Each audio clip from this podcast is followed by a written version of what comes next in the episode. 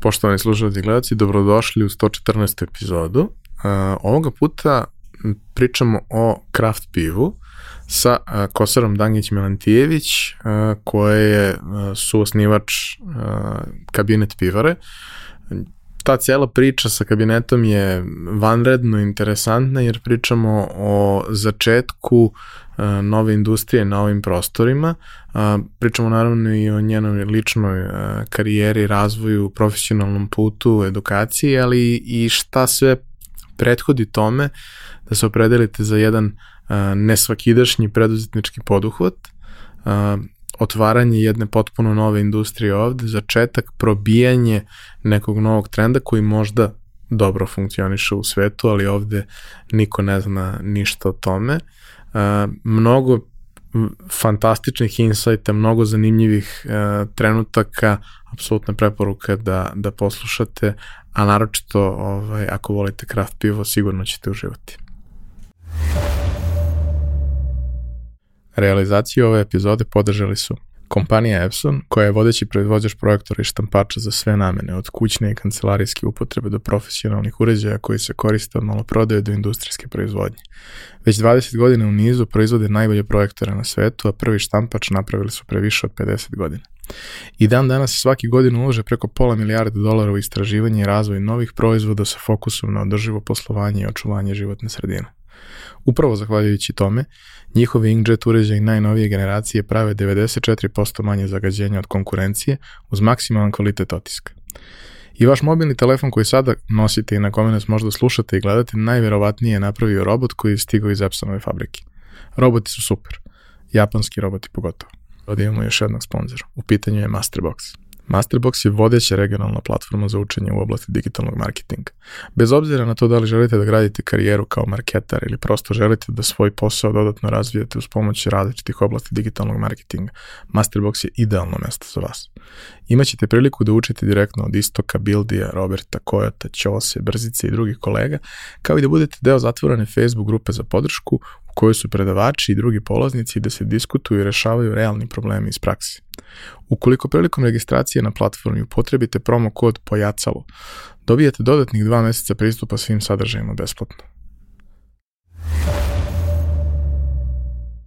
Za slučaj da želite da nas podržite vi individualno, možete da posetite link u opisu podcasta na platformi Buy Me a Coffee i tu možete kupiti mesečnu pretplatu ili jednokratno donirati neki jednost koji želite. Hvala vam unapred na tome. Kosara, dobrodošla. A, za početak, volao bih da, ako možeš, a, ti svojim rečima opišeš čime se ti zapravo danas baviš. A, ja sam suosnimač i suvlasnik kabinet pivare, prve greenfield zanatske pivare na Balkanu, a možda čak i u istočnoj Evropi po našim saznanjima. A, sve goste pitam istu stvar na početku, a to je šta si htela da budeš kad porasteš? Da, to je divno pitanje. Uh, tela sam da budem dizajner i ambasador u isto vreme. Dobra kombinacija. Zabavna i pomalo preambiciozna, čini mi se, ali ono s čim sam zadovoljna je da, eto, imam ovaj, divnu priliku da, bez obzira što sam ekonomista po obrazovanju, u stvari na neki način nešto dizajniram i na neki način predstavljam Srbiju negde. A, tvoj put, da kažemo, kroz, kroz obrazovanje nije baš uh, uobičajan. A, kako su se tvoje interesovanje menjali, kako je uopšte došlo do toga da se opredeliš za ekonomiju i sve što ustoji? Da, pa um, kao jedinica, uh, onako od početka su, um, da kažem, usmeravali da treba da budem bukovac, da sve mora da bude tip top, da je to jako bitno. A, potičem sa obe strane iz porodica koje su dosta ambiciozne i kod kojih je upravo to, da kažem, a, dokazivanje kroz obrazovanje i kroz neke, neka onako postignuće, pomeranje granica bilo baš a, potencirano u nekim, da kažem, psihološkim storytellingsima familija koje svi mi imamo.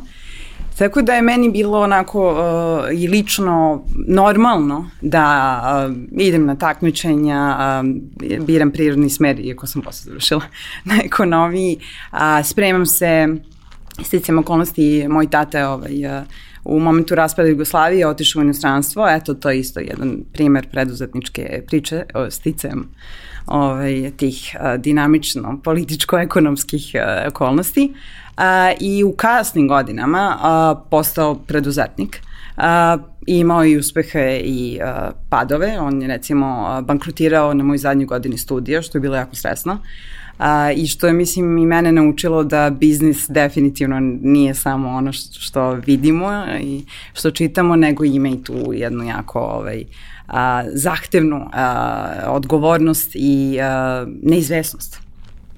Tako da, zašto baš ekonomija? Um, znači, kada sam završavala petu, znala sam da ću, uh, ovaj, pripremala sam se, išla sam na časova engleskog svo vreme, studirati u inostranstvu, samo nisam znala tačno gde će da me prime i u tom momentu na City ovaj, University-u nije bilo dovoljno prijavljenih za taj kurs iz dizajna koji sam ja htela. Uh, i onda sam tako završila u stvari na European Business School na ekonomiji, jer London uh, School of Economics sam odbacila u smislu, bilo mi suviše teorijski taj kurs, a mene je zanimalo da znači nisam ja znala tačno šta je ovaj, što ću posle raditi, ali da bude malo manje teorija, ma, malo više nešto onako pipljivo da kažem, što može da se primeni i kako je bilo tvoje iskustvo? Većina ljudi koji, koji gostuju pričaju uh, najčešće svoje iskustvo vezano za ovdašnje fakultete i manje više uh,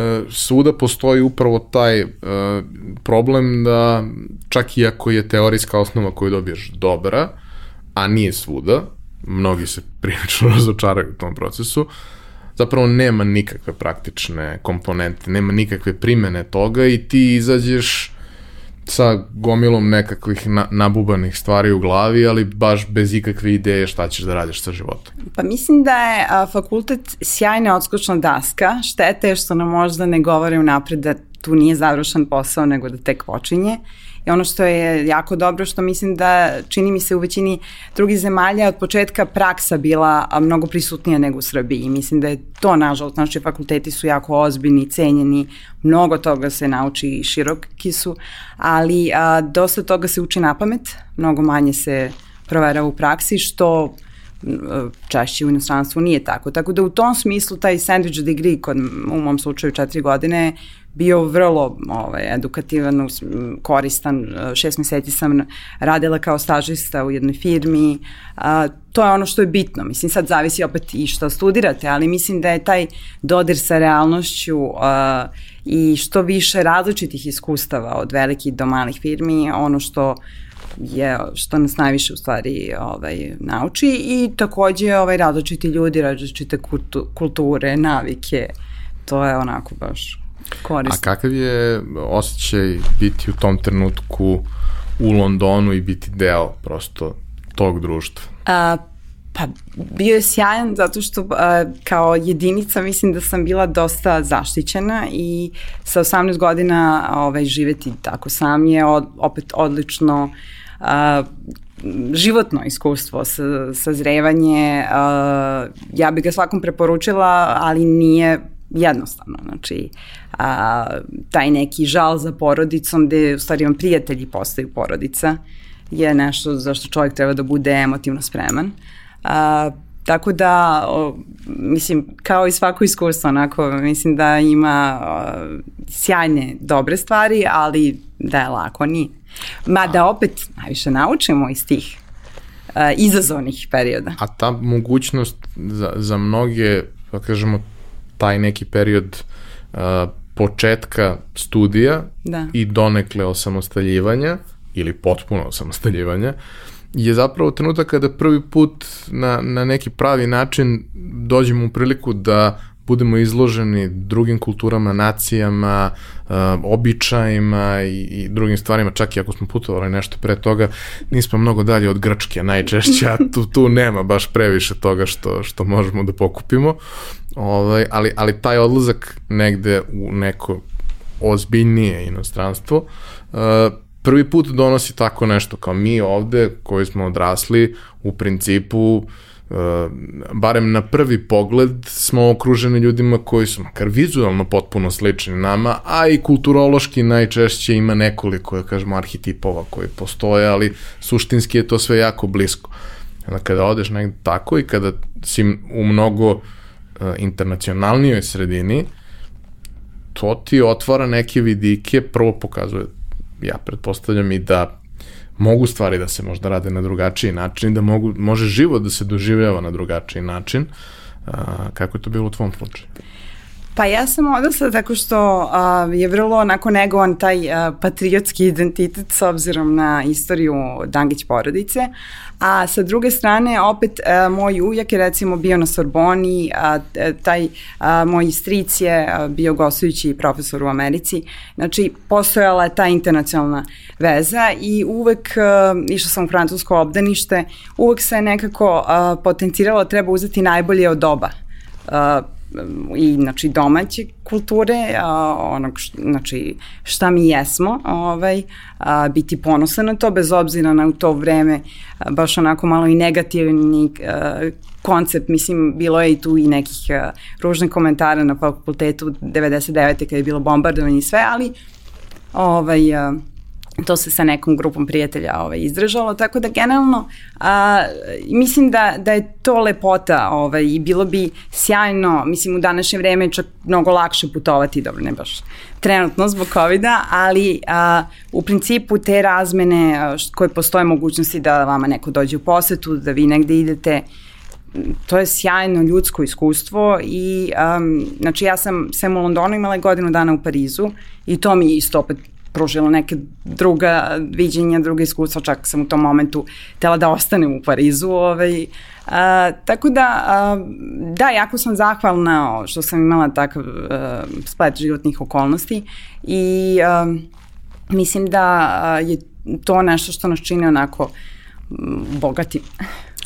A, a onog trenutka kada, kažem, odlučuješ i da kreneš u nekakav e, profesionalni život, uh, rekli si da, da si imala praksu tokom studija, uh, Kako se tvoja profesionalna karijera razvijala, u kom smeru? Da, pa a, pošto sam tad imala emotivnu vezu u Francuskoj, a, tamo sam krenula da tražim prvi posao a, i našla sam jedan koji u tom momentu, su, bila sam jako ponosna na njega naravno, ali najčešće a, ta početna iskustva nisu u suštini i idealna, a, tako da um, onda mi se posle godinu dana pružila mogućnost da a, radim u Africi na nekim projektima u više različitih zemalja i sećam se da je to onako bilo dosta rizično, mislim ipak sam ja tad bila mlada ovaj, uh, devojka da idem uh, po raznim zemljama, bez obzira što je obično bio tim od uh, dvoje do četvoro ljudi. Moji roditelji su bili dosta zabrinuti, ali ja sam smatrala da je to idealna šansa ovaj, da se iskoristi, tako da sam, bila sam producent u uh, za CNBC Afrika, to je jedan show, mislim da više ne postoji, um, da smo intervjuisali ne, razne firme i ovaj, a, bilo je jako interesantno. A, naravno, a, onda tu naučite recimo da u ne želim da tako provodim ceo život, mislim, bilo je opet sjajno se nauče neke stvari i idemo dalje. Tako da, a, mislim da je ono što je a, lepo a, imati što više tih iskustava, ne plašiti se ni da bude pogrešno, da se negde zadržimo 3-4 meseca pa da promenimo. Dobro, sad, čini mi se da današnje generacije generalno možda čak preteruju u tome, u smislu da žele da probaju sve, ali treba imati neki uh, kursor u smislu šta je ono što nas zanima ili da damo nečemu šansu do kraja, da ne odustajemo na prvoj prepreci. Tako da, taj neki balans, ja mislim, u svakom Ja se samo sećam, uh, u nekoliko navrata sam pričao sa, sa stricem koji je poznati košarkaški trener, mm -hmm. koji je u nekom periodu, kao i dosta naših trenera, pošto je li naša škola košarke je jedna od najcenjenijih na svetu, dobijao te vrlo unosne ponude da ide i celo leto provede na pripremama, radeći sa mlađim kategorijama, radeći sa prvim timom nekih afričkih reprezentacija. I uglavnom su ljudi koji su odlazili najčešće su bili mlađi treneri, nisu imali neka negativna iskustva. Jedino o čemu su svi pričali i što je, mislim, njega prilično odvraćalo od te ideje, je da je procedura odlaska podrazumeva gomilu nekih e, vakcina, čuda, jer kao prosto sve ok, ali tamo postoji gomila stvari na koje mi da. ovde nismo navikli, koje mogu da proizvedu ozbiljne zdravstvene probleme i to je nešto komplikovano i to je kao i sa svim ono, drugim vakcinama, ti oporavljaš se kad primiš po nekoliko da. dana, nisi ni za šta i njemu je to bilo previše ono izlazak iz, iz, iz zone, zone komfora. I kao, znam, dosta ljudi koji su išli posle, kao prijatelji, bio je recimo i, i Slobo Marković je bio gost, on je u jednom periodu takođe e, kao, kao član nekih naših delegacija putovao u Afriku i uvek je to podrazumevalo te neke pripreme koje su onako, nije ti sve jedno, nemaš ti problem sa tim, ali prosto strah od nepoznatog i sve što usto ide i onda kad ti još dodaju na to da treba da prođeš dosta nekih drugih stvari, ovaj, bude, bude neobično. A, to je onda potpuno izmeštanje iz onoga na što si u tom trenutku navikla, jer kao, ja to često kroz neka svoje iskustva opisujem, rekao sam, naravno, promenit ću to mišljenje, već, već sam vrlo blizu toga da ga promenim, ali kao ne idem u zemlje u kojima ne mogu da pročitam šta piše da. na zidu. Može, može, ono, francuska, danska, sve što u Evropi nije nikakav problem, ćirilica, latinica, kao ne idem u zemlje ako ne mogu pročitam šta piše na tabli, ne znam gde sam. Naravno, sad to sve mnogo lakše da uperiš kameru i ona ti kaže šta je. Ovaj, ali uh, kapiram da, da su uh, da je boravak tamo potpuno ono transformativno iskustvo za, za svakog. Da li ima nešto što bi izdvojila, što pamtiš i danas kao, kao potpuno wow Pa mislim da je zanimljivo da u mladosti čovjek možda nekad ne pomisli na najgore stvari i to ga čini hrabrim. A, recimo u Bahreinu kad su me zadržali ovaj, na carin, na ulazku u zemlju, jer moja viza nije u tom momentu bila prošla, gde tad ja nisam imala mobilni da se javim nikome, nego sam malo sačekam. Meni, recimo, nije bio strah, ali sam tad prvi put pomislila, u, pa ovde svašta neplanirano može se desi. Um, Da, sem uh, žute groznice, ja groznice im sreću nisam malariju, ovaj, uh, da kažem, prelažala. A, može, naravno, svašta da se desi. Uh, ja sam optimista po prirodi, nekako mislim da mi to donekle ovaj, uh, autosugestivno štiti. Uh, stvarno, sem neke manje krađe, apsolutno nikakvo negativno iskustvo nisam imala u silnim zemljama da sam bila.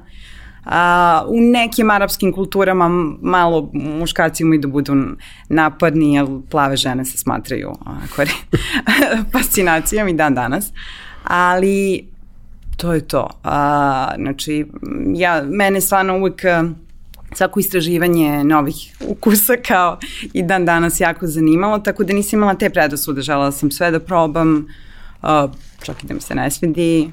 I, uh, kažem, mislim da, da je to deo ovaj, um, karaktera a, i tih nekih vrednosti valjda ko, s kojima odrastete da nekako eto, ovaj, treba istraživati, uh, da, da ništa nije strašno. Šta se još dešavalo na, na tvom uh, profesionalnom putu pre trenutka kada ste odlučili da otvorite kabinet? Da, uh, pa ja i Branimir smo radili i pre toga na nekim projektima ovaj, u Africi. On je ovaj, inženjer, ja sam se uvijek bavila marketingom, znači uh, nisam uh, nikakvoj proizvodnji radila. U momentu kada u stvari ja ostajem trudna, mi smo razmišljali da bi generalno taj uh, dinamika putovanja i svega već postala uh, previše ovaj, ne, nerealna, i, a nismo bili spremni da se selimo. Ovaj, uh, I onda smo gledali šta bi mogli da radimo u Srbiji u momentu, uh, to je 2011. ne postoji, znači, zanatsko pivo. Uh, u Srbiji sem um, uh, Krugera i Brenta i Black Turtle koji su opet znamo i sami specifični, jer su to radili na drugi način. A, mi krećemo da se informišemo, a, a, skupljamo razne ovaj, a, podatke o svemu i a, planiramo u stvari ovaj, gde bi to moglo da bude. Tako da a, a, mogu reći da smo vrlo organski i spontano pokrenuli tu priču iz jedne uh, a, velike strasti ka gastronomiji i pa donekle i dizajnu umetno, i umetnosti. Um, upravo to pomenulo si u, u nekoliko navrata, upravo to istraživanje ukusa i, i svega toga mislim da je um, craft bifarstvo donelo jednu potpuno novu dimenziju. Ok, postoje narodi koji tradicionalno piju pivo koje, koje imaju svoje neke tradicionalne vrste piva, gde je potpuno normalno da imaš pivaru koja proizvodi to tu posljednjih 700-800 godina, Ja se sećam tog iskustva koje je potpuno bilo fantastično ovaj, u, u, u Minhenu gde smo bili u Augustiner pivari u kojoj se kao 800 no, da, godina proizvodi i kao to je poslednja pivara tog tipa koja je nastala od manastira mm. ovaj, u kojoj i dan danas točano pivo na, ne ono koje se prodaje na drugim mestima, ali točeno pivo kod njih, u njihovoj pivnici, se toči iz drvenih burića. Potpuno Fantazija. potpuno wow iskustvo i da. generalno celo to ja, ja posebno volim i nemačka piva je neverovatno, ali kao to, je, to su neke zemlje da. koje imaju svoje stilove, imaju neku svoju tradiciju, čak ne često ni zemlje, nego regije u okviru zemalja. Međutim, ono što, što uh, kraft pivo donosi je sa jedne strane mnogo više eksperimenata, mnogo više različitih ukusa i mnogo više, čini mi se, a, pravljenje od toga nečega što se dobro uparuje sa hranom.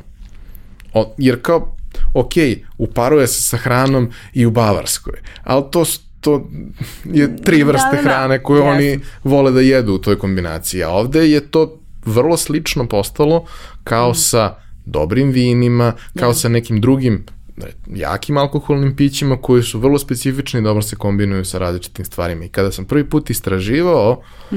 ono što je moderno zanatsko pivarstvo, upravo je to bila jedna komponenta svega, da ti sada pivo koje posebno ovde nije bilo doživljavano kao nekakvo uh, kvalitetno, fino piće koje možeš da piješ, uh, sada možeš zapravo da ga da. zatekneš i na mestima gde je fine dining i na mestima i gde će neko zapravo ko se u to razume da ti napravi dobru kombinaciju. Znači ja recimo vino ne volim načelno, mislim mogu da pijem, ali postoje mesta na kojima uvek pitam za preporuku čovjek me detaljno ispita i donese mi nešto što je savršeno. Ja naravno ne, za, ne zapamtim šta je to nešto i onda ostanem ovaj, u neznanju, ali svaki put probam nešto kao šta volite, crveno ili, ili belo vino. Ja kažem šta, šta volimo, mi da pa sledeći put kao ajde probamo nešto drugo, donesi nešto, bude neverovatno. Tako isto i sa pivom, ali kao uh, kako ste se vi zapravo prvi put e, sretali sa time, jer istorija tog modernog kraft pivarstva, barem u, u Evropi, nije toliko duga. Posebno taj deo sa, da kažem, eksperimentisanjem izvan onoga što je norma lokalna koja je prihvaćena. Da, pa susreli smo se u Italiji a, sa jednim vrstom stila u Americi, a, onda Mikeler nas je potpuno fascinirao sa svojim konceptom. A, njega sam ja kontaktirala baš kad sam bila trudna za tu saradnju o kojoj već a, znamo kako je ovaj, uznapredovala. Tako da ono što je lepota, ja mislim piva što stvarno može da se pije svaki dan, od tručka do večeri, što vino nosi tu jednu uh, eks, ekskluzivu i težinu iz raznih sad uh, razloga od uh, cene, procenta alkohola, znanja, dok pivo, evo, pa mislim, i ja kao student ili ili svi smo nekako imali a, dodira sa, sa njim mnogo lakše. A, da, ovde, nažalost, zbog pa mislim i ekonomske situacije a, i igrača koji su bili na tržištu, a, pivo se smatralo stvarno onako jednim a, vrlo jeftinim i proizvodom koji on onako Uh, ja mislim čak i da je i rakija imala bolju reputaciju. A rakija ima jako lošu, da. iako možda ne bi trebalo da bude i ima fantastično. Ja se slažem, mislim, dobra rakija i savršenstvo zanatskog umeća, ali kao i bilo koji drugi gastroproizvod. Poenta je u tome šta ulazi u proizvodnju. I da, uh, mi smo upravo videli ogroman potencijal koji, ne mogu kažem da nije bio rizičan, uh, upravo zbog uh, cena koje znamo da nosi kvalitet uh, jer se sve uvozi uh, pre svega. Mi smo, tako smo i krenuli sa majstorom za pivo, kao um, s kom, čjerkom kompanijom koja je morala da uveze prvo sve što je nama bilo potrebno. Uh, I ujedno negovanjem i promocijom kulture zanatskog uh, pivarstva. Uh, sad tu ima, ovaj, dosta se promenilo u ovih, uh, koliko sad, 7-8 godina uh, i bilo je raznih i faza. Uh, ono što je, mi je drago da generalno čini mi se da je kabinet i dalje sinonim za taj jedan gastrošmek uh, sa umetničkim pečatom, što je i bila, da kažem, misija od početka. A, trebalo je nama dosta dugo i da završimo restoran, a, koji opet no, upotpunjuje tu cijelu priču. I da, onako jedno uzbudljivo ovaj, putovanje. Uh, generalno uz uh, craft piva vrlo često ide fantastičan dizajn, jer je to proizvod koji je često skuplji od onoga što je uobičajno i na neki način ako se nalazi na nekom rafu, a nije to baš najčešći način kako se kupuju ta piva, ali i, i jeste sve češći, ipak mora da ti privuče pažnju. Da. Ovaj, vi imate tu estetiku koja, da kažemo, od početka ima neku vrlo jasnu art direkciju, uh, gde svako pivo ima svoju priču, svoj karakter, svoju uh, ilustraciju, etiketu, uh, drugi proizvođači imaju svoje neke pravce na koje to rade, ali činjenica je da zapravo svi proizvođači krat piva su uh, nešto što kada vidiš a, pored industrijskih piva na polici ćeš verovatno yes. ako te malo vuče makar estetika posegnuti za tim i probati nešto novo. Verujem da to nije loš način da se uđe u tu priču, ali ono što bih voleo, što mislim da je najveći izazov zapravo, a, vi dolazite sa, sa tom idejom, krećete u a, investiciju, ali a, na koji način uopšte razmišljate o tome da e, probate da napravite proboj na tržištu, jer tržište ne zna ništa o tome što vi hoćete da, da radite. Možda postoji ono nekoliko stotina ili nekoliko hiljada ljudi yeah. koji su imali prilike da to uopšte probaju, ali vrlo je, vrlo je mala publika, a vrlo je ozbiljan poduhvat da. koji, je, koji je pred vama. I kako je prosto teklo razmišljanje na tu temu u tom trenutku?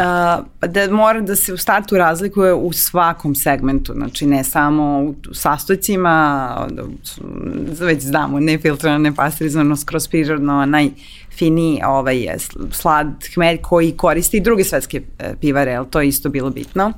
Uh, nego i, i to da, znači, uh, upravo taj vizualni identitet odmah upućuje na to da je uloženo mnogo pažnje i truda u to, da a, je to uh, upravo neko pivo koje zaslužuje da bude drugačije tretirano, ja bih tako rekla. Um, mi smo in-house sve od početka radili kao i recepte, tako i tu direkciju. Uh, uglavnom, mislim, ja sam u principu birala imena umetnike, ja sam copywriter, uh, vodila sam digital, sve socijalne mreže, znači sve je to bilo objedinjeno da bi imalo određenu koherentnost i u suštini da se ne bi izgubila ta esencija koja se nekad, ako je veliki broj ljudi uključen nažalost ne prenese na efikasnije. Sad ono što je zanimljivo, u, uh, mi dalje spadamo u malu firmu, ovaj, počeli smo sa nekih uh, 6-7 zaposlenih, sad nas je trenutno 18, uh, uh, da ta strast i entuzijazam mora, mora da se deli. Uh, male firme, te vratno iz mnogih intervjua, uh, znaš, uh, uh, znači svako onako radi uh, dosta stvari koje ne mogu se uh, smatrati ukalupljenim opisom posla. Nije baš sistematizacija, Jest. ne prati realno stanje. Baš tako. uh, tako da to je to, znači imamo uh, sreću da smo uh, okupili onako opet uh, kroz vreme uh, saradnike koji uživaju u tome jel uh, moraju da, da vole ovaj, taj svaki zanatski posao, mislim da e, nekako te ta misija a, vuče više možda ne od, od same svakodnevnice posla, a, što je a, jako bitno i mislim da se onda to slikava u svemu u uh, momentima. Uh, da, jedna stvar je znači, ta promocija na početku. Objasniti šta je to. Pa to je bilo onako, prve tri godine maltene dana noćno uh, za, za ceo tim. Mislim da uh, ja kažem, s jedne strane imali smo sreću da u marketing e, nismo ulagali dodatno, znači sponzorska sredstva. Mi nismo plaćali i dan danas ni jednu reklamu, ni jedan članak, ništa, ali smo davali pivo za degustaciju, podržavali smo umetnike, humanitarne događaje i onda smo smatrali kad neko proba, da će ga to zaintrigirati. Ako možda nije najjasnije šta je, neko će da mu objasni, ali da, da će ukus sam da priča za svoju priču.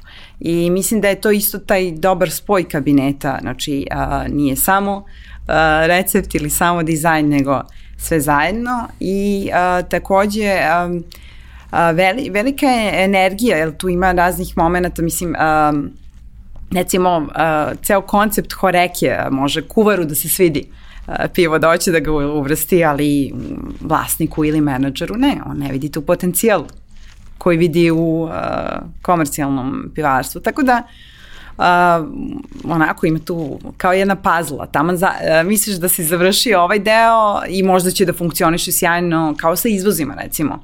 Dve godine, fantastično ga izvoza na neko tržište. Onda se desi neka promena, uh, ti ljudi odluče da neće više tim da se bave ili tako nešto. Tako da ovo i dalje relativno mlada grana, bez obzira što u Americi postoji sad, ja mislim, 35 godina, ali e, ima razne faze i ovaj, mislim da će da nastavi tako, ona će definitivno, znači neće rasti ove moje ove mišljenje kao što je do sada, ne samo zbog trenutne ekonomske situacije u svetu, nego generalno, nije realno da za na, nešto što je zanatski toliko brzo uh, ovaj, napreduje i raste, a, ali mislim da će imati ogromnu jačinu u nekim lokalnim pričama i generalno mislim da će uvek postojati, jer je toliko dobro da ne može da nestane. Jedino a, sad zavisi, ipak trenutno se smatram luksuzom. Da, Nažalost. i postoji određeni, određeni broj da. ljudi koji će to sebi uvek moći da priušti, kao što će moći i vrhunske restorane, vrhunske yes. namirnice i drugi vrste zanatskih proizvoda.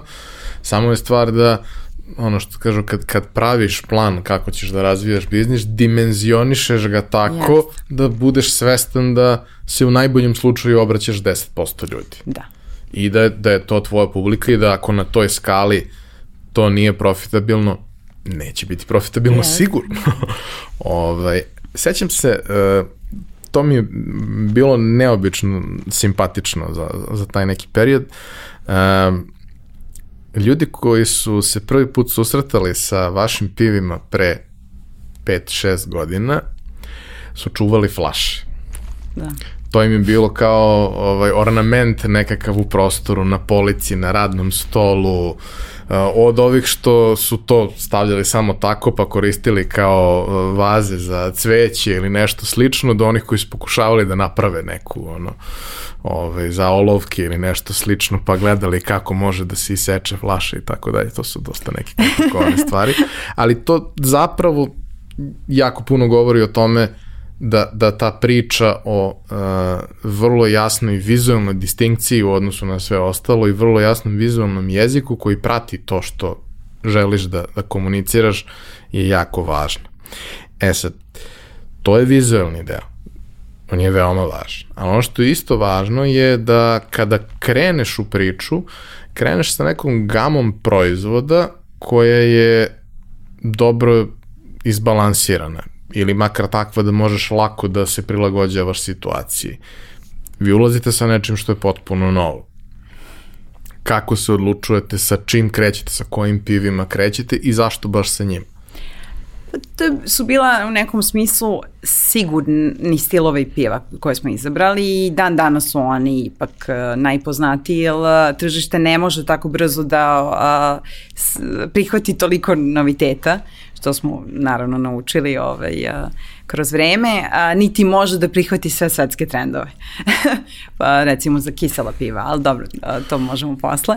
A, da, znači imali smo a, jednu jako blagu Cascade IPU sa paunom koja je kasnije ovaj, povučena crvena, a, a plavo kao isto bla, blažu verziju belgijskog stila i porter a, predstavnika tamno, tamnih piva i onda je izašao čuvani brk kao četvrta, a, ili ti, da, lagani American Pale Ale, koji stvarno onako a, ima svoj status. A, a, to je nešto recimo što mislim da niko ne može da predvidi tak, takve momente u nekom biznisu. Znači, vi možete da radite najbolje moguće, jer svako od ovog piva je sjajno na svoj način, ali zašto je baš neko ovaj, a, ima neki onako poseban životni put, ja mislim potpuno ono... A jeste radili neku vrstu istraživanja, testiranja sa Jesmo, ljudima? to je bilo jako ovaj, zanimljivo. Mi smo u tom procesu izgradnje ovaj, pivare a, u osam meseci a, na jednom postrojenju kuvali razne stilove i a, po tri piva slali a,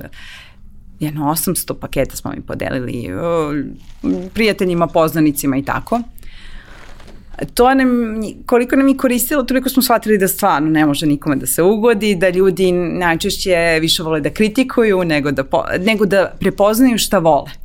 To je isto jako zanimljivo. Znaš šta, ja imam jedan osjećaj da, Da. kad, kad je takva stvar u pitanju, da ljudi imaju potrebu da ti kažu kritiku da ne bude da ti ništa nisu rekli. Slažem se. Iako ta kritika kao, pa dobro, znaš, kao i na najbolju pršutu ćeš reći da ti se ne sviđa, ne znam, nalepnica na nečemu, koga briga, mislim, i dalje je fantastično. Potpuno se slaže i može biti vrlo onako emotivno u tom momentu, recimo da ih je nešto, ovaj, da je uticalo, da sledeći put kad bi popili to isto, bilo bi im fantastično. Tako da, a, mislim da svako mora naravno da, ovaj, da je lepo pitati ljude za mišljenje, ali uvijek preuzeti odgovornost ovaj, za a, krajnju odluku a, i a, da, eto, to je bio neki način da, mislim da su ljudi zato i mislili da kabinet postoji i 10 godina, jer se pričalo mnogo u procesu gradnje.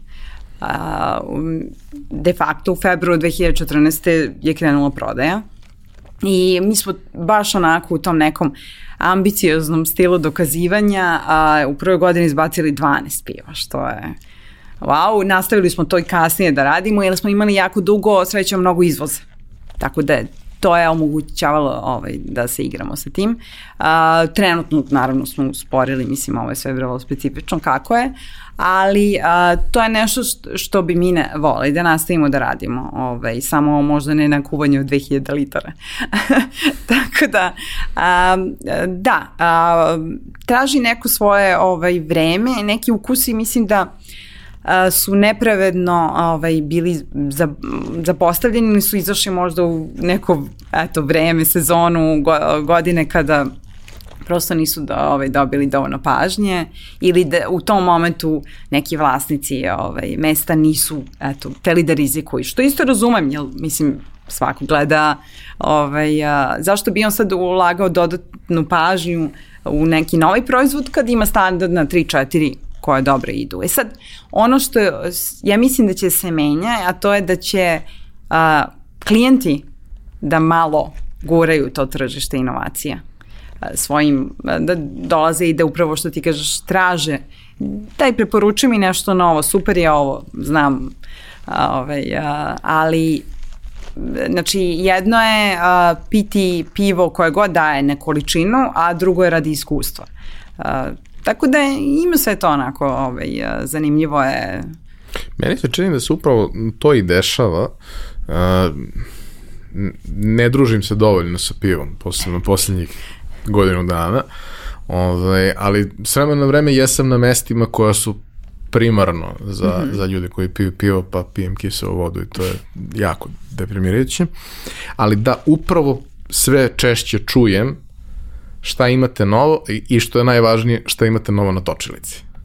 Jer kao to je najsvežije, najbolje da. iskustvo i a preduslov da bi moglo da funkcioniše da ipak postoji neki, neki obrt toga. Ti ne možeš da staviš na točilicu yes, bure ako nećeš prodati to u narednih no.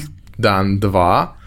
Ovaj, flaširanih piva veliki izbor ima u dosta lokala, najrazličitijih i to jeste lepo da ti se to može da probaš. To više nije ono, odeš u negde u inostranstvo pa vidiš da ima 400 piva. Mislim, sad imaš i u Beogradu mesta koje imaju tako nešto, ali uvek mi je to ono, drugorazredno iskustvo u odnosu na sve. Jeste, vidiš tu flašu, možeš da odneseš tu flašu ko, ko želi ovaj, i često možeš da probaš nešto što nisi mm -hmm. nigde drugo sreo, što, što, što je super, ali točilica je točilica. Uh, kada, kada je u pitanju uh, početak uh, vaše priče, na koji način ste se širili? Ko su bili, da kažemo, strateški najvažniji partneri u tom procesu? Na ko, kako ste pokušavali da, da progurate tu priču? Jer opet pričamo o nečemu što je ka svima novo. Da, a, postojalo je samo pivo kao prvi a, craft beer bar i svakako nam je to značilo. A, majstor za pivo je uvozio a, da kažem, za sebe, a ovaj, i za festival Brteška kasnije, a, razne internacionalna zanatska piva. A, pored toga, a, nama je lično značilo, bez obzira što su obimi potrošnje bili dosta mali, da budemo u mnogim restoranima. Upravo iz tog nekog pribli, diferencijacije i približavanja da je ovo gurme pivo, a ne ovaj, on, 5 litara i ostalo. Um, onda šta se još dešavalo u to vreme? Uh, da, pokrenuli smo recimo sa Burger House-om i zaokretom Piknik, koji isto na neki drugi način približavao zanatsko pivo. Um, u jednom momentu je postojao jako veliki broj zanatskih uh, šopova, što je bilo lepo, međutim, uh, to je onako, da kažem, taj početni entuzijazam, uh, baby koraci, uh, uh, to nije, nažalost, odgovaralo realnosti ovog tržišta. Samim tim, uh, da sad ne pričamo o standardnim problemima, neplaćanja, kašnjenja i ostalog, to je onako skrhalo se ovaj, u nekom momentu, um, ali nama, nama su recimo internacionalne saradnje, kolaboracije jako značile. Uh, tako smo organski od, odlazili u izvoz. Uh, na ovom domaćem tržištu uh, mislim da uh, pa organski je dosta bio taj rast. Um, da, u principu u nekim fazama.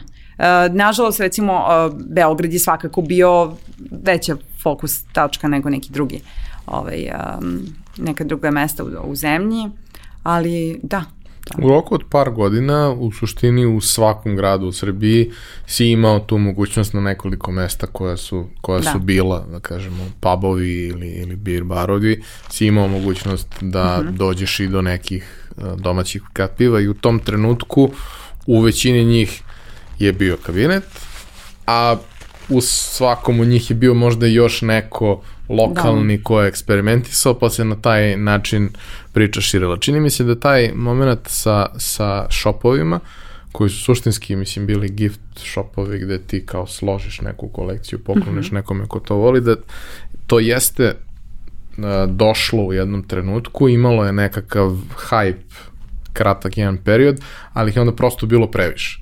Neki su opstali, da. ali nije ih mnogo opstalo i mislim da, da to ono, sa jedne strane je bilo lepo da se da vidljivost, ali ljudima koji su uložili u to verovatno nije bilo baš, nije bilo baš opravdana investicija. Da, nama je jako značilo, a s druge strane, kažem, to nažalost nije realnost tržišta. Uh, mi bismo svi voleli da ta, postoji ta potreba da sad svaki kraj ima svoj za, zanatski shop, da neko posle posla ili za o, rođendan srati i kupi to, ali nije. Mislim da je generalno uh, taj uh, način kupovine alkohola i u drugim segmentima, vinskim, prosto nije takav u Srbiji. Nema ta navika, često će ljudi otići u Maxi nabavku, ovaj, pardon, Delez, ovaj, a, tih svih potrepština na jednom mestu, to ću kažem, neće da, ići u specializovane a, šopove, a da ne pričamo sad o novim nekim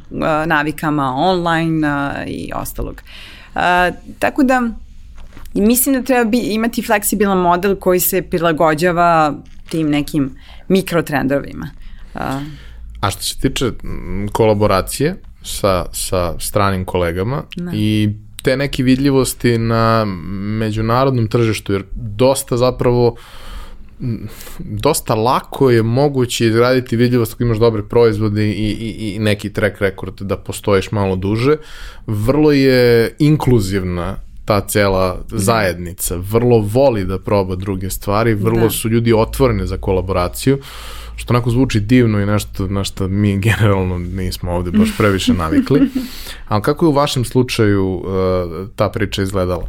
Ok, Mikiller, ali ljudi možda ni ne znaju šta je priča iza, iza toga. E, da, a, Mikel je znači probao naša piva, mnogo su mu se svidela i rekao je da želi da mu ovaj, skuvamo pivo za region.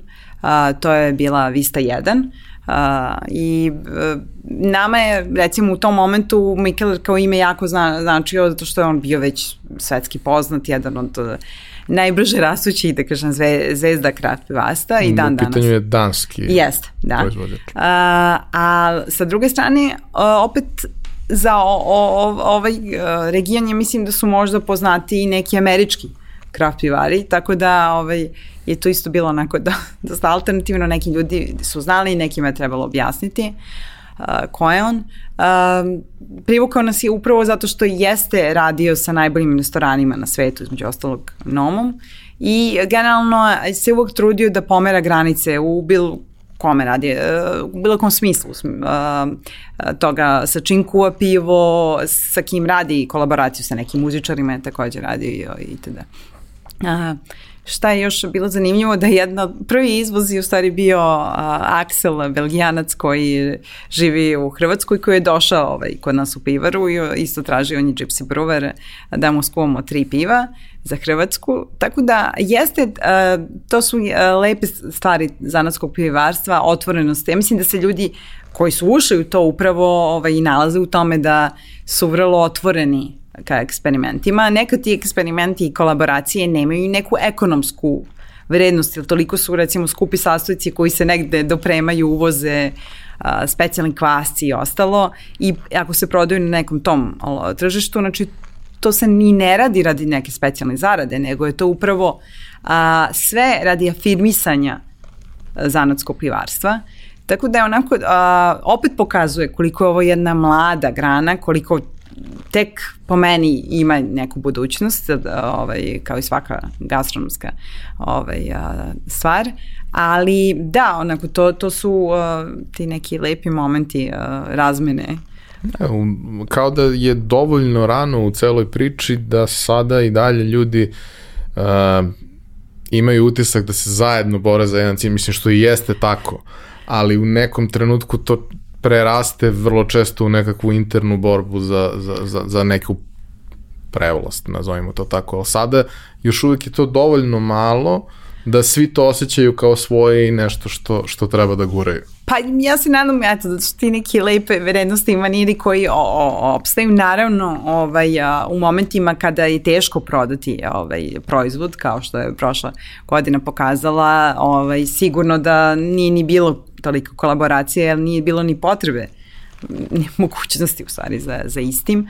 A sad opet zavisi od mentaliteta. Često a, su ljudi spremni da rade kolaboracije sa stranim pivarama nego sa domaćim, upravo opet iz toga što pričamo, kao dokazati se na novom tržištu a, je lepše, zavisi od mentaliteta sa, sa kojim pivarima a, se sarađuje. A, nekad, naravno, to ide i u neke ekstremne slučajeve, recimo kada po tri, četiri pivare sarađuju, pa onda je to više i neka vrsta druženja, mislim. Sve to ima a, ovaj, svoje, svoje razloge. Kao neka vesela komuna.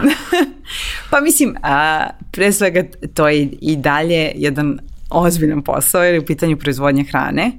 Tako da sve ovo je, da kažem, taj bonus koji verovatno mnoga zanimanja imaju, ali da je sve tako spontano, ovaj, nije i da je svaki recept uspešan, nije.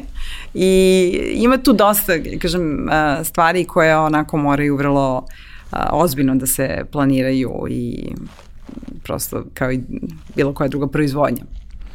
A što se tiče upravo znanja od koga sve da. kreće, to je znanje koje ovde nije bilo dostupno. Vrlo mali Jest. broj ljudi je nešto zapravo znao o tome, a upravo proizvodnja jeste prilično komplikovana, zahtevna, u nekom trenutku ovaj, moj otac je bio direktor marketinga jedne od najvećih pivara u, u onom najgorem periodu. A? Ovaj, vrlo, vrlo stresna i užasna stvar, ali e, mene je interesovalo, bio sam mladi, pio sam pivo i mnogo sam ga voleo i ovaj, ja sam zapravo istraživo zajedno sa njim, odnosno uz njega sve to i kao e, prosto proizvodni proces je takav da se vrlo često po svim nekim uh, pravilima i parametrima pivo tretira kao hrana, da. jer je mnogo komplikovanije od uh, jakih alkoholnih pića, jako alkoholno piće ima procenat alkohola koji rešava manje više sve probleme koji mogu da se dese u proizvodnju. Pogotovo u Srbiji takav zakon prosto baš specifično u Danskoj. Mikel kao profesor hemije nije morao da bude tehnolog. A, u Srbiji svaka pivara mora da ima tehnologa. A, mi jesmo kroz kućno pivarstvo, ovaj, pre svega a, Branimir i ekipa cela ovaj, kabineta koja kuva pivo, a, bili upoznati ovaj, sa procesom i raznim eksperimentima, ali um, to ovde nije dovoljno da se krene u proizvodnju. Tako da da, a, a, praksa, to je to i mnogo izučavanja knjiga, a, je li čak i taj te, tehnolog koji kad dođe iz jedne komercijalne pivare isto ne zna da pravi zanatsko pivo odmah, nego mora da nauči. Tako da je to isto ovaj, jedan proces, zato smo mi za vreme izgradnje pivare u stvari upravo sa ovaj, tadašnjim tehnologom Mišom Hadžićom radili na tome ovaj, da recepti imaju standardizaciju i ostalo. A, pominjala si izvoz kao vrlo važnu stvar u, u vašem razvoju. A, kuda ste sve izvozili, kako je dolazilo do tih saradnji, kako, kako su da. oni efekt imali na vas? A, pa ovako, a, mislim da su nama lično značile da smo na pravom putu, ovaj, kao jedna potvrda, a sa druge strane značili su dosta i u cash flow tada, s obzirom na, opet ponavljam, a, ekonomsko ovde ovaj, Običaj. valovito. Običaj. Da, baš tako, mentalitet ili valovito situacije. A, dolazili su na razne način. U jednom momentu, znači, ja mislim sam prebrojala 28 zemalja da smo stigli. Sad, a, konkretno recimo u neke afričke zemlje, naravno smo stigli preko nekih kontakata koje smo imali od ranije. A, opet recimo sad u Singapur smo potpuno organski stigli, čovek je probao u jednom baru u inostranstvu naše pivo i kontaktirao nas je. On ima gastroklub koji ovaj, za radne događaje i restorane ovaj, snabdeva u Singapuru, onda a, u Americi su teli da imaju srpske proizvode, pa su samim tim uzeli i naše pivo. U Brazilu je jedna vlasnica, opet suvlasnica a, pivskog kluba, probala naša piva preko Mikelera, pa se zainteresovala. Tako da onako nema, a, baš i svaka priča bila specifična. A, a, kažem, nažalost ne može čovek uh, da pravi uh, business case na tome, zato što se globalna situacija menja. Uh, ti svi izvozi, znači to što izvozite sada, u Austriju recimo ne znači da ćete za dve godine tako Nije da predvidljivo, nema tu neku da, vrstu predvidljivosti. Da, tako da to je ali to je mislim u većini preduzetničkih uh, voda uh, onako tržište je surovo ovaj, uh, treba uvijek imati plan B ili mogućnost da se izraži neki ovaj, period bez tih optimalnih. E, pomenula si od kojih ste piva krenuli, um, zapravo da. dobar deo njih i dan danas vidimo u vašoj ponudi, što je potvrda da je bio dobar izbor na početku, a kroz ovo vreme je još mnogo vrsta, odnosno mnogo konkretnih proizvoda a, prošlo ovaj, kroz vašu ponudu. A, šta, prvo ako, ako znaš koliko ih je zapravo bilo do sada da. različitih, da. a drugo, a, šta su neke ono, ako, ako neko nije probao i razmišlja o tome, mada mislim stvarno ljudi, ako niste probali do sada, ja ne znam kad ćete, ali ako, ako neko nije probao, uh, šta su neke stvari koje bi trebao da proba i uh, u, kojim, u kom setu okolnosti šta da. treba da proba od proizvoda. Pa mislim, hvala ti na onome kao da je bio dobar izbor. Ja, da mislim da je čak više potvrda da je kvalitetan proizvod nego izbor. mi sada sa ovim znanjem nekako te ljudske psihologije i tržišta čini mi se da je samo ta činjenica su to bila prva piva već dovoljno, kažem bitno, su bila kvalitetna, ali bila dovoljno da ona ostanu ustaljena, jer lično meni a, i mnogima iz proizvodnje ovaj, postoje neka kasnija piva koja su spektakularna, ali prosto očigledno ih nije bilo dovoljno dugo na tržištu da ovaj da kažem da se ustale da budu klasici. Ja, malo je možda bilo i prezasićenja različitih ukusa. Upravo to.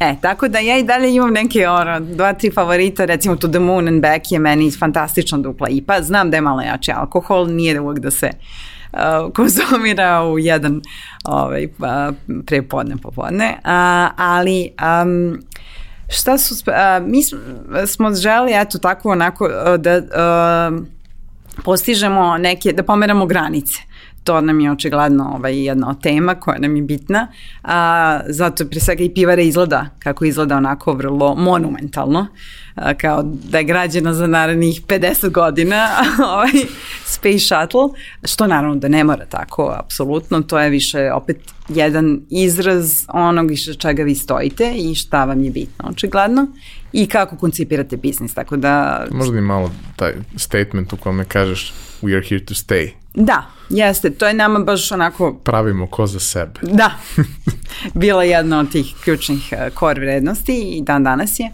Um, recimo uh, odlažavanje barikirana piva za koje smo mi dobili te neke ozbiljne svetske nagrade ovaj, potvrde su nešto što toliko mali segment ljudi koji želi da proba možda, a, to više liči na konjak, to je baš ta kolaboracija, ali to je nešto stvarno izuzetno. Onda, um, šta bi još, imali smo mi tu razne, ako ćemo pričamo o, da kažem, marketiškim uh, pokušajima, Flaša 075, koja se nama čina kao divna ideja da se podeli pivo za ručak ili večeru ili poklon, nije ovde uradila. Delovala kao šampanjac sa onom etiketom i svim što da. stoji da zaista je bila je prelepa, to. ali možda prerano. Možda nešto, ovaj, sve u svemu, onda a, pivolada, to je ovaj famousni džem od piva sa minimalnim a, količinom šećera. To, evo, mislim, to su i saradnici, kažem, a, a, Đorđe Maričića, a, Maksa, šef a, kuhinje restorana. Bi, znači, mora, morate da nađete e, ljude koji im stvarno stalo do, do toga, znači koji onako žele da, da istražuju Um, sad evo da najavim, ovaj, iz, izaći će i balzamiko od piva, a, izaći će još jedan isto poseban sos. Znači, to je nešto što, um, što mi radimo, uh, jer nam je bitno, to je niš proizvod, od toga se mi nećemo ni na koji način obogatiti. Mno, mnogo energije uđe u to u smislu um, vremena, odluka na mikrom nivou biranja flašice, etikete i ostalog, ali to je nešto uh, lepo što traje i što ovaj, uh, upravo to pokazuje da je pivo jedan vrlo kvalitetan proizvod, a ne, bar zanat. I da može da bude dinamičan. Da. Da može da bude vrlo dinamičan. A, vratio bih te na to a, jeste šta koja piva? u kojim situacijama i, da kažemo, i, i stilovi i konkretno vaša piva. Da, mi smo skuvali a, preko 70 stilova, sad, pošto smo radili recimo i određene a, žurke, venčanja, onda su to bila nekad isto posebna, posebna kuvanja, tako da ne mogu sad da tvrdim a, tačno koliko različitih a, piva. Neka se čak su kuvana za izvoz, nisu se ovde ni pojavila, ali a, to je to, znači, za ovih a, sedam i uskoro i po godina. Um, dinamika pojavljivanja, a, mislim da je nekad, recimo, mi ne volimo lagor, pa smo napravili samo jedan šaci. To bi možda mogli da ponovimo. Mo, možda biste mogli. Da. a, onda, a, bilo je, a, kažem, teli smo da pratimo svetske trendove i u izvozu nam je značilo da imamo i te a, voćna piva, saore, to onako, ovde je jedna stvarno mikropopulacija, mislim, koja želi da proba. Um, ali zato imamo restoran, čini mi se, de, to je ono što se pokazalo u Americi kao jako bitno. Imati svoj outlet prodaje ili na kraju krajeva i ne, ta nemačka i čaška gde postoje pivare, piv, to su čak, češće te pivnice lokalne koje postoje po 100 godina, te u stvari onda i, i imaš mogućnost da I tamo svaka velika fabrika ima veliku pivnicu da. u okviru fabrike. Da, to je jako ovaj, uh, bitan moment. Uh, eto, to, to, to. Dobro, vama je majstor za pivo bio outlet. Jest. Dolazili smo tu da probamo stvari. Da, Jeste, ali i on je imao uh, veliki entuzijazam, ali opet nije mogao do šire publike da dođe. To je ono što je neverovatno, jeste bio u centru Beograda, uh, ali nekako uh, sada na Kosmoju, da li je, ja ne znam, da li je ta opuštena atmosfera, da li je to što uh, samo to mesto stvarno privlači uh, različite ljude, ljude koje kraft kao takav nije možda interesovao. Ceo experience je yes. sjajan.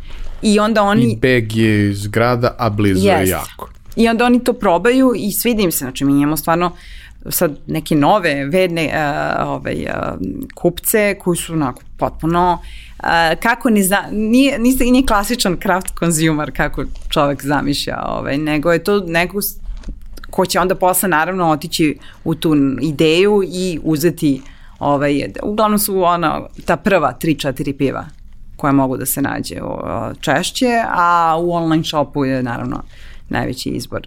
Sve što ima ljudi koji ne, prosto neće da naručuju online. Mislim, zanimljivo je sve to. Ovaj, kažu recimo, sviđa nam se taj stil piva, ali ja to da poručim ne želim. Tako da navike su ovaj čudo.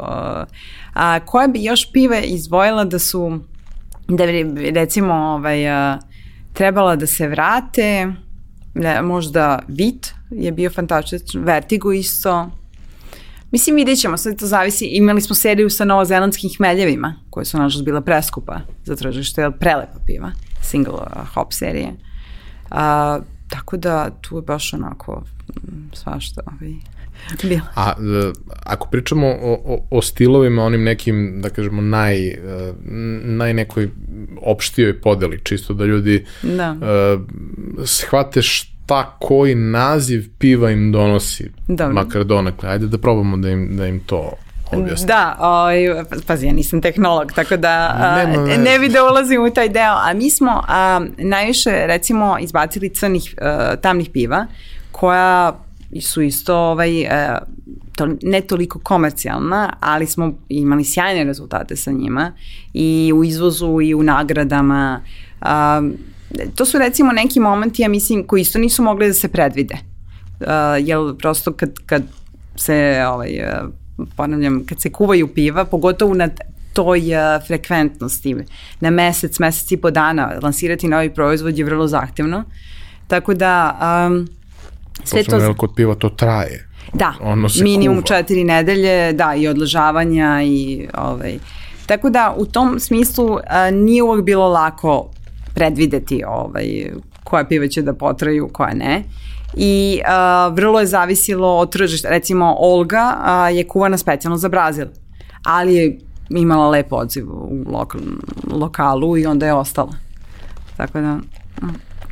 A, da ima tu dosta, da kažemo, različitih stvari. Ok, nisi tehnolog, razumem, poštujem, ali jesi uživalac, kao što i mene često pitaju da preporučim nešto i objasnim, makar na laičkom nivou. Uh, znam recimo da jedna od stvari koja, koja, koja je tu vrlo interesantna da se suštinski skoro sva uh, vaša, i ne samo vaša kraft piva kategorizuju kao tamna, iako nisu, da. u odnosu na to, da kažemo šta je negde uobičajeno, samo par nekih izuzetno svetlih yes. prolazi, prolazi tu kategorizaciju. Iako to, to realno nije tamno pivo iz ugla konzumenta, ali na etiketi Baš piše tako, da, da. Jest. Mi smo u opisima na web shopu imali isto te zabune, da li je šta mora po zakonu stoji kao svetlo tamno, a šta ne. Ono što bih ja svakako preporučila, ajde tako da kažemo, pri uparivanju sa hranom ili generalno nekoj degustaciji u idealu, krenuli bi se sa nekim ili voćnim ili sour pivima ili laganim lager elovima. A, sad, pitanje je količina alkohola, pitanje je naravno i ukusa kao nekih aperitivnih pića. Onda bi tu svakako bila neke ipe, duple ipe, belgijska stilovi. A, sad neko bi mogu ubacio da pročisti paletu tu negde sour, jer opet ima i različitih soura.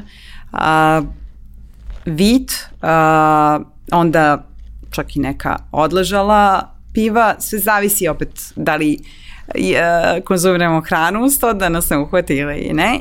Tamna piva po nekom tom bontonu ovaj, a, pivskom bi trebala da idu na kraju, znači stout porter, a, a barikirana bi realno isto mogla da budu kao krajnje dezertna piva kao što je recimo kolaboracija.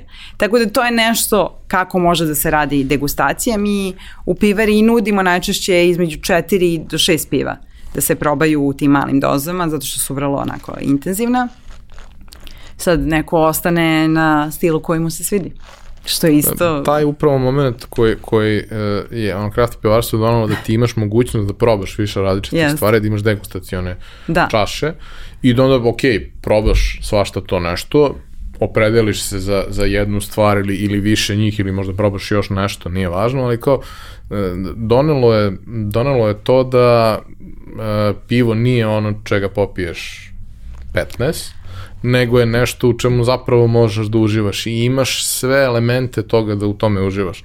Mislim, ja sam bio jako mlad i tad nisam bio ovako težak čovjek kao što sam danas i imao je period kada je meni bilo jedino bitno da to bude pitko da bi mogao da popijem dovoljnu da. količinu.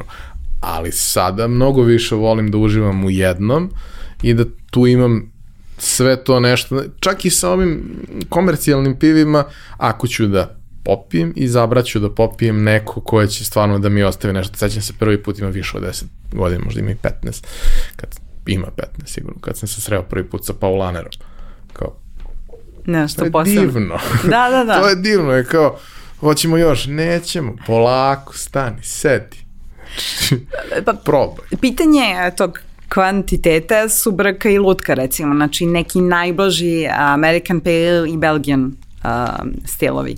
A, to je po meni nešto što, znači, Kraft nudi kao opciju, hoćemo da pijemo pet čaša ili koliko god li, litara, a onda opet, znači, um, ima i ove verzije koje su bukvalno, da li si ikad pomislio da može Melisa da uđe u pivo, evo izvoli, to je uh, Melisa iz zemlji, u zemlji čuda ili tako nešto. Znači, um, stvar je u tome da zavisi kojom prilikom pijemo pivo, da li ga to pijemo da nas, jedno pice da nas opusti uz ručak što je moja baka uvijek radila ili je to sad hoćemo da impresioniramo nekoga pa da za to neki, ne znam, čoku tortu koju smo pravili da imamo bon bon koji je ujedno sa karamelom pa da to ispadne kao jedan potpuni ugođaj. Tako da mislim da je to vrlo, to je u stvari lepota svakog zanatskog proizvoda.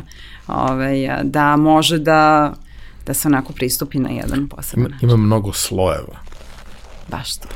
A, restoran i ceo, da kažemo, kompleks na, na Kosmeju, kao što si rekla, prilično je to uh, monumentalno bilo i dok nije bio restoran. Da. Uh, ali da, šta je bila vaša ideja? Mi kad smo se upoznali pre pet godina, tada je već, mislim, sve pravljeno sa ciljem da to postoji. Samo yes. prosto nije došlo vreme, nije se desilo.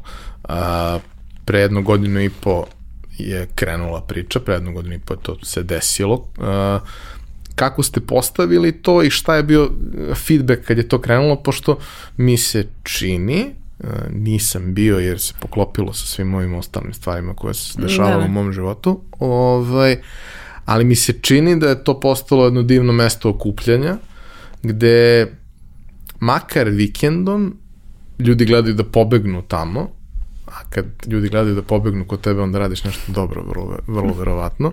Ove, ovaj, ali kao, šta je uh, bila ideja, kako ste vi to postavili i šta je bio feedback koji ste dobili od ljudi i na koji način ste se dalje prilagođavali? Da. Pa mislim da često preduzetničke priče imaju taj moment da polaze od svojih potreba koje traže da budu zadovoljene, tako i nama kao jednoj mladoj porodici falilo mesto za beg u prirodu i plus iz tih silnih putovanja smo shvatili da je lepo imati neku oazu sa kvalitetnim proizvodima da čovjek ode da se opusti odmori, ali da to nešto nije uh, pretencijozno, znači, a, a opet da bude drugačije.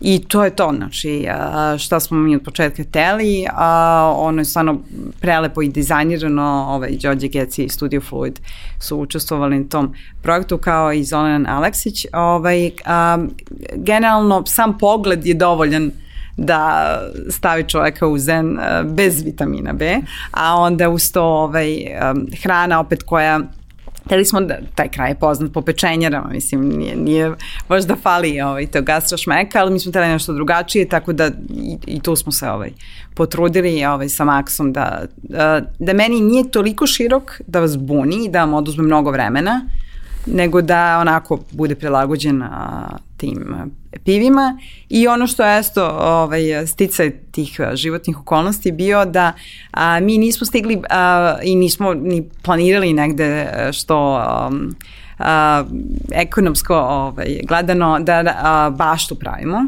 nego je tih dva hektara koje postoje trebalo da se koristi za piknik. E, onda se ovaj, potrefilo sa prošlom godinom, a, koja et, znamo kakva bila i ispalo je sjajno, jer uh, ljudi su stvarno imali prostora. Nikad ljudi više nisu želeli da idu na piknik da. nego prošle godine. Bukvalno. Tako da, eto, nekad se taj tajming isto potrefi da ovaj, uh, mi nismo onda morali dodatno da promovišemo to, nego je prosto sve bilo idealno. A, vidjet ćemo u budućnosti Kosmo i onako sad opet ima neku svoju mikropriču koja se vrlo razvija sa tim celim trendom života čak van grada, da ljudima je okej okay da putuju 45 minuta ili to prigradsko. Jer putuju po gradu Jeste, 45 minuta, pa nije bitno. Da. Tako da to ima vrlo jednu lepu svoju priču, uh, to su ti neki novi momenti koji ćemo vidjeti kako će da se razvijaju ovaj, lokalno.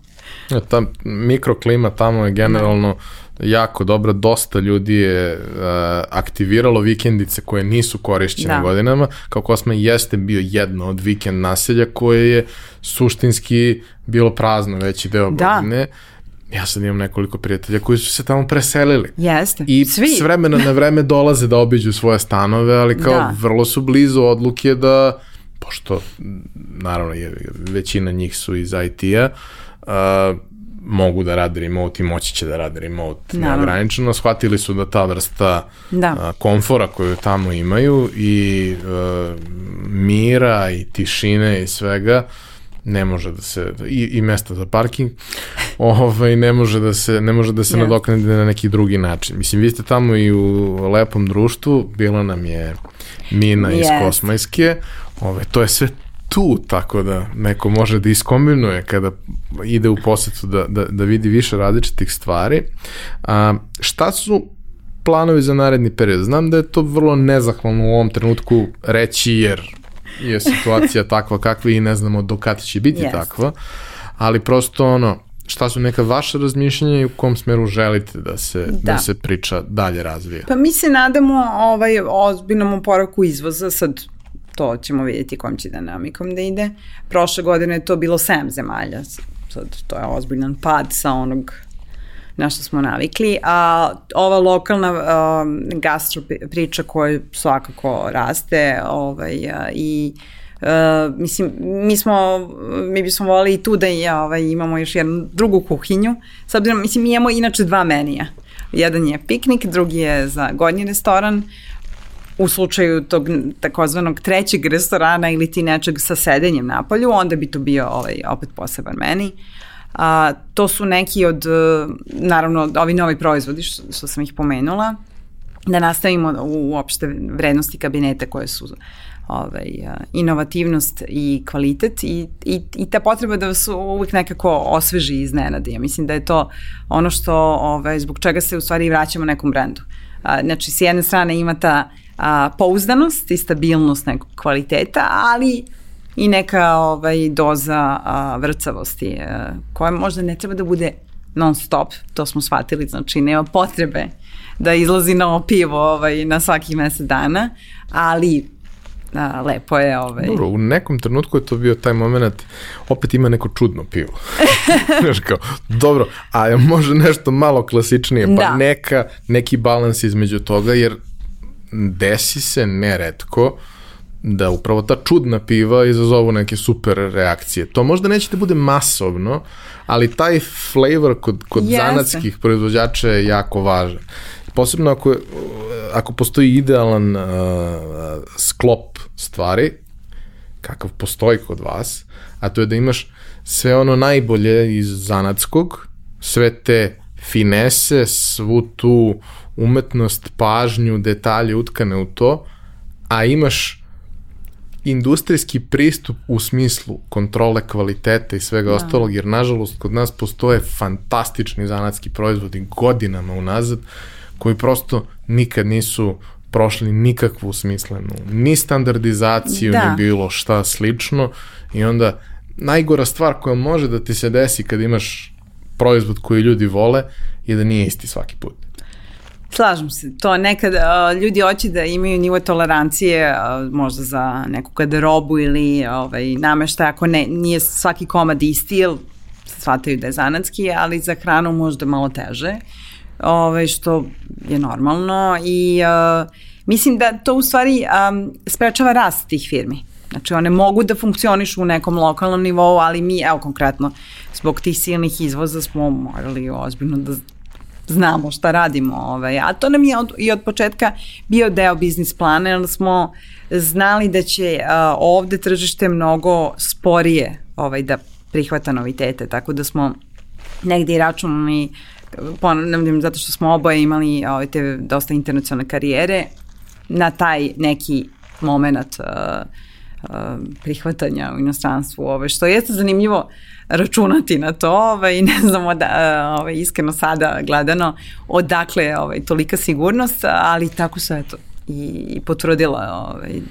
Samo bih hteo za, za sam kraj da. jednu stvar e, da, te, da te pitam, da te zamolim da, da objasnimo, jer sam shvatio da smo to pominjali u nekoliko navrata, ali da zapravo to nijednom trenutku nismo objasnili, a to je e, da, ovaj proizvod je e, u odnosu na industrijsko prosečno pivo luksuz, Razlog za to je i način na koji se proizvodi i šta sve ide u njega. Yeah. Uh, ja se sećam kad smo se upoznali, a tad je cela priča nije bila na početku, već je ona bila ozbiljna, ali bila je da. mnogo manja nego što je danas.